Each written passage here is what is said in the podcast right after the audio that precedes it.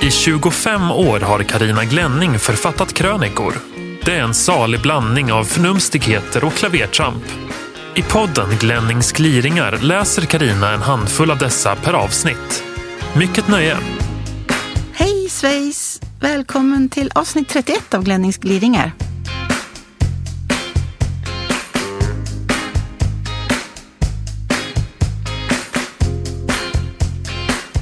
Ett kränkande daltande. Hem och barn är traditionellt kvinnliga domäner och i skydd av hemmets väggar begår kvinnor brott. När ska vi våga inse det och när ska vi sluta dalta med kvinnor? Riksåklagaren konstaterade i en rapport för några år sedan att kvinnor behandlas mer förlåtande än män vid grova brott och det beror på föreställningen om att kvinnor inte agerar som män. Fenomenet kallas kvinnorabatt. Ett slags räkmacka genom rättssystemet för att män är ändå värst. I tisdags var det dags igen. 23 kvinnor och en man stod åtalade för barnpornografibrott. De hade spridit filmer som skildrar fastbundna barn som våldtas av vuxna. Chattsamtalen mellan kvinnorna och mannen bevisar med råge enligt domen att kvinnorna velat ha bilder från mannen. Ändå fick kvinnorna bara villkorliga domar och böter. Detta för att de citat, inte varit i psykisk balans, slutcitat. Och för att männen har citat, utnyttjat deras dåliga psykiska tillstånd och längtan efter mänsklig närhet. Slutcitat. Tror någon att de argumenten hade använts om de åtalade hade varit män? Samma försvar och förklaringsmodell dammas ofta av när kvinnor begår vidriga brott. Som om vi medvetet vill blunda för att även kvinnor kan vara hemska. Det tycks rubba vår världsbild och blottlägger samtidigt en naivitet som har ett högt pris eftersom vi därmed inte gör allt som står i vår makt för att minimera antalet barn som far illa. Jag har problem med den här kollektiva synen på kön. Med samma retorik som används när kvinnor lite svepande buntas ihop till offer kan man undra varför vi är mogna och ska kvoteras att sitta i bolagsstyrelser, men inte ta våra straff. Hur länge ska vi omyndigförklaras? Citat. Det finns ingen anledning till panik men vi bör lära våra barn att det finns fula gummor likväl som det finns fula gubbar, slutcitat, säger Olof Risberg, psykolog vid Rädda Barnen, apropå domen. Det handlar inte om att skuldbelägga eller förflytta fokus. Det är ren fakta och den måste fram, främst för att skydda de mest utsatta, barnen. Jämställdhet handlar om en mängd saker, bland annat likhet inför lagen. Det är bråttom att nå dit av flera skäl.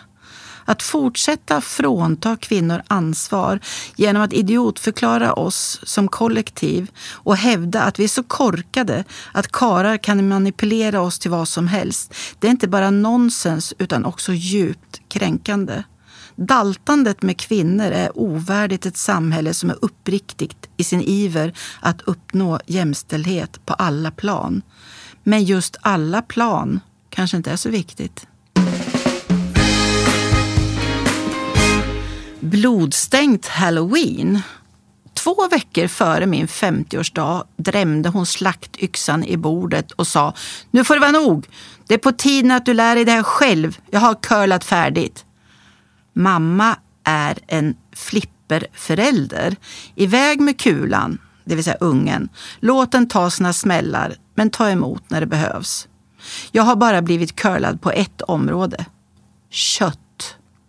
I alla år har hon och hennes gubbe styckat, malt, paketerat, vägt och skrivit etiketter. Sen har jag fått köpa till samma kilopris som de själva gett för viltköttet. Hon har antytt att jag gott kunnat hjälpa till, men jag har lyckats smita undan. Inte för att jag är lat, men för att det skulle bli ett sånt slutgiltigt och obehagligt eh, uppvaknande. Men i år var det slut, detta lyxköttskonsumerande. På sitt sedvanligt osentimentala vis sa mamma. Jag kan dö när som helst. Om du vill fortsätta att äta viltkött får du komma hit och lära dig att stycka. Nu. För det är nu jag har fått älgen och det är nu den måste tas om hand. Man kan nämligen inte boka in viltkött och bestämma leveransdatum. Det kommer när djuret blivit skjutet. Punkt. Hela mitt inre skrek nej! Jag fick ta mig i nackskinnet och tala allvar med mig själv. Ska du äta kött eller ska du inte äta kött, Karina? Jag vill fortsätta äta kött, tack. Föredrar du viltkött eller kött från djurfabriker? Det vill säga från djur som stått inne och uppbundna mellan födsel och slakt. Jag vill äta viltkött, tack. Då så. Jägarna säljer inte kött i form av två kilo ytterlår och ett kilo grytbitar. De säljer en hel eller en halv älg. Du måste lära dig stycka. Så enkelt är det. Man kan inte hyckla i all evighet. Så upp till hennes stuga for vi, helggubben och jag. Där låg min halva älg och väntade, utan huvud och utan päls och skinn, vilket gladde mig oerhört. Jag vet inte riktigt vad jag hade väntat mig, men det var skönt att inse att älgen inte skulle titta bedjande på mig samtidigt som jag skar i den. Med tigersåg, grensax och slaktyxa drog vi igång. Det är tungt slabbgöra att stycka kött.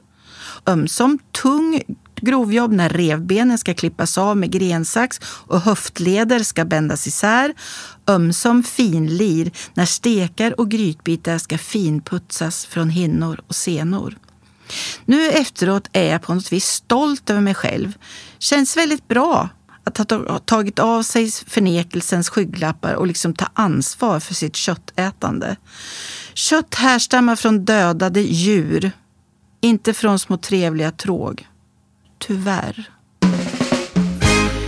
Galärslaven Glänning. Jag hade min chans, men jag tog den inte.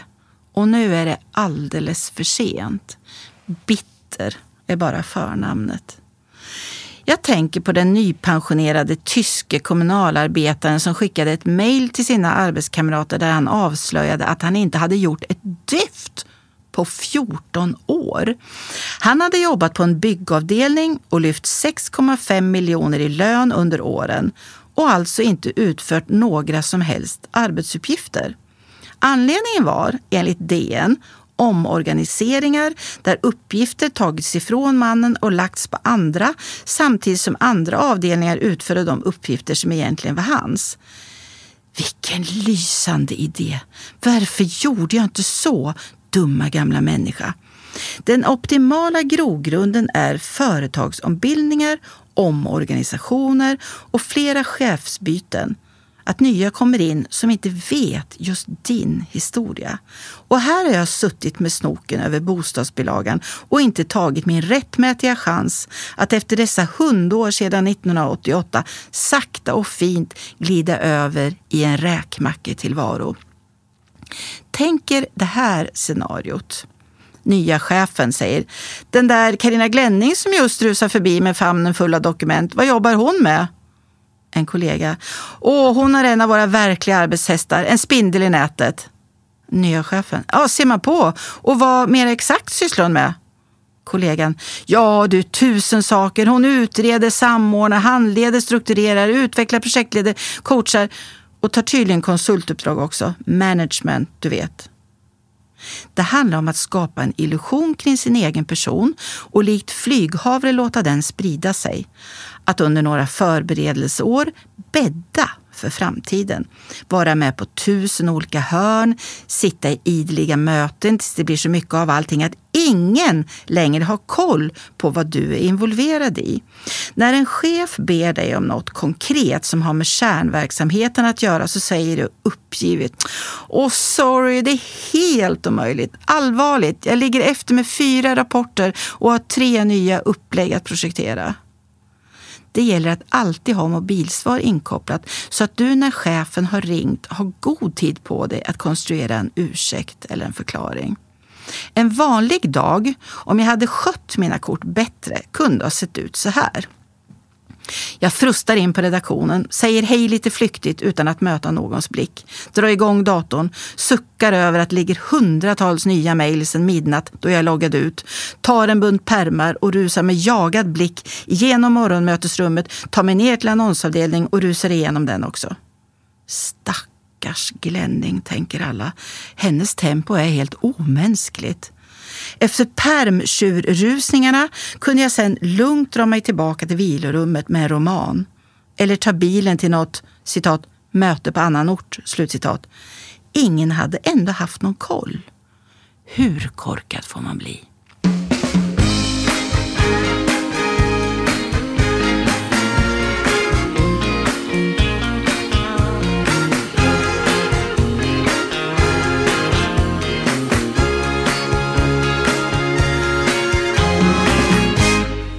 Är grundlurade. Om det är tomt här i spalten ändra veckan har jag trillat av pinn. I så fall hade livsmedelsindustrin rätt och jag fel, men fan trot. Min sommar har varit lite annorlunda. Jag har vistats på fyra olika platser en vecka i taget. Det leder ofrånkomligen till att viss mat blir över. Mat som via den bilbatteridrivna kylväskan skyfflas med till nästa ställes kylskåp. Och nästa. Med devisen “man slänger inte mat” som jag fick via bröstmjölken har detta lett till en del intressanta experiment som snudd på utvecklats till en sport. Livligt påhejad av min lika matglada som dödsföraktande gubbe har vi denna sommar satt i oss dagligvaror som med råge passerat sitt bäst före bacon som gått två veckor över tiden, potatisgratäng som skulle ha gratinerats för en månad sedan, lösviktssill som enligt fiskavdelningen skulle ha slutat simma i sin butikskryddade röra för tre veckor sedan. Mjukost vars dödsdag inföll för två veckor sedan, ägg som borde ha lagts i gröna påsen och blivit biogas för fem veckor sedan, entrecote som skulle ha mött grillen fyra dagar tidigare. Oöppnade förpackningar med mat håller sig betydligt längre än vad som anges. Vissa livsmedel blir till och med bättre av att mogna och möra. Våga genomskåda producenternas tricks. Öppna förpackningen och lukta på maten. Om vi bortser från vissa luktfria bakterier som kan befinna sig i till exempel felhanterad köttfärs så stinker dålig mat. Bäst före-datum är inte detsamma som livsfarligt efter. Varför denna matsvada nu igen? För en vecka sedan presenterade Naturvårdsverket en kartläggning som ger mig mer magknip än vad utgången mat någonsin gjort. I Sverige slängs en miljon ton mat varje år. En miljon ton! Det handlar om mat för många miljarder.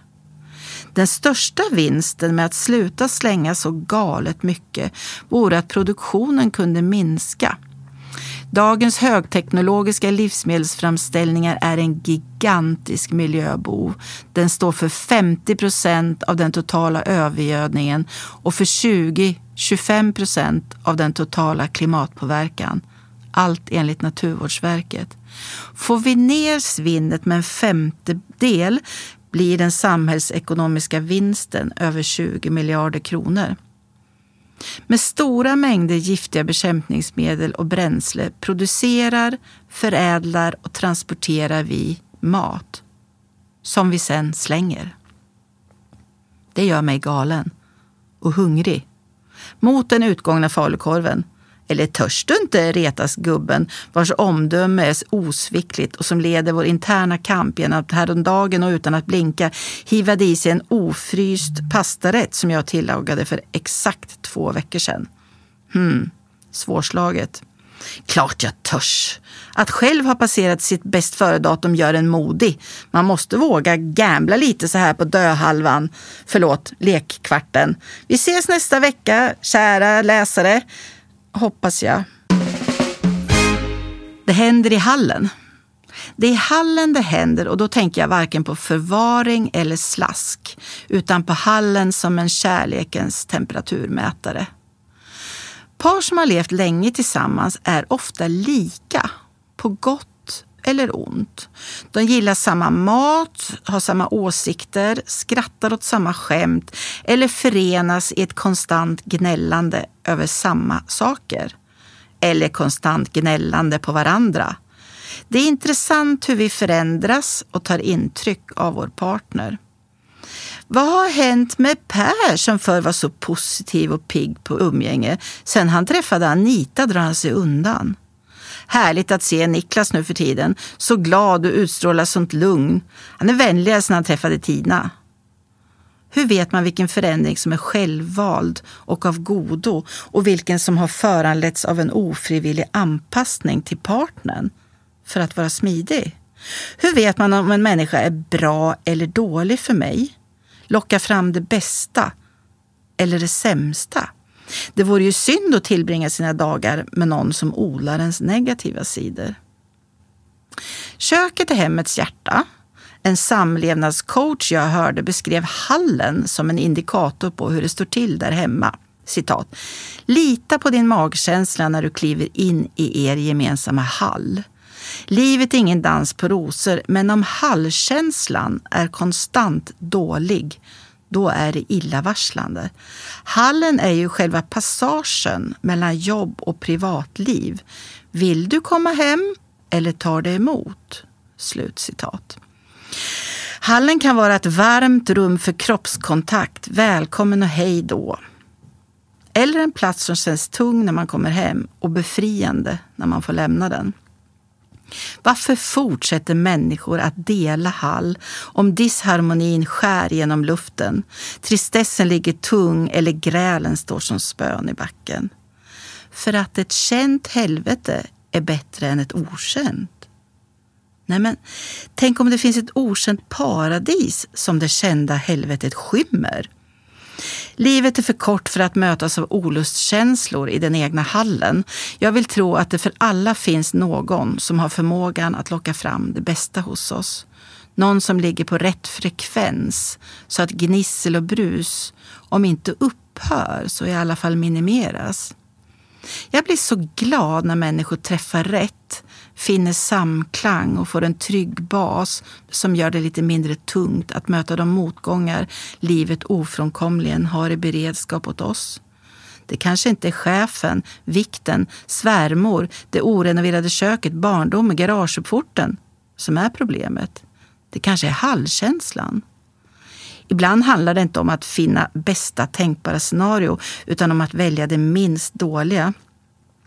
Jag läser en statusuppdatering på Facebook från en nyskild barndomsvän som skriver Så tungt, sorgligt och ödesmättat. Ett havererat livsprojekt. Det är ingens fel. Ändå var det just fel mellan oss. Något i hela vår relation som skavde. Nu efteråt känns det som om 50 kilo sten har plockats bort från mina axlar.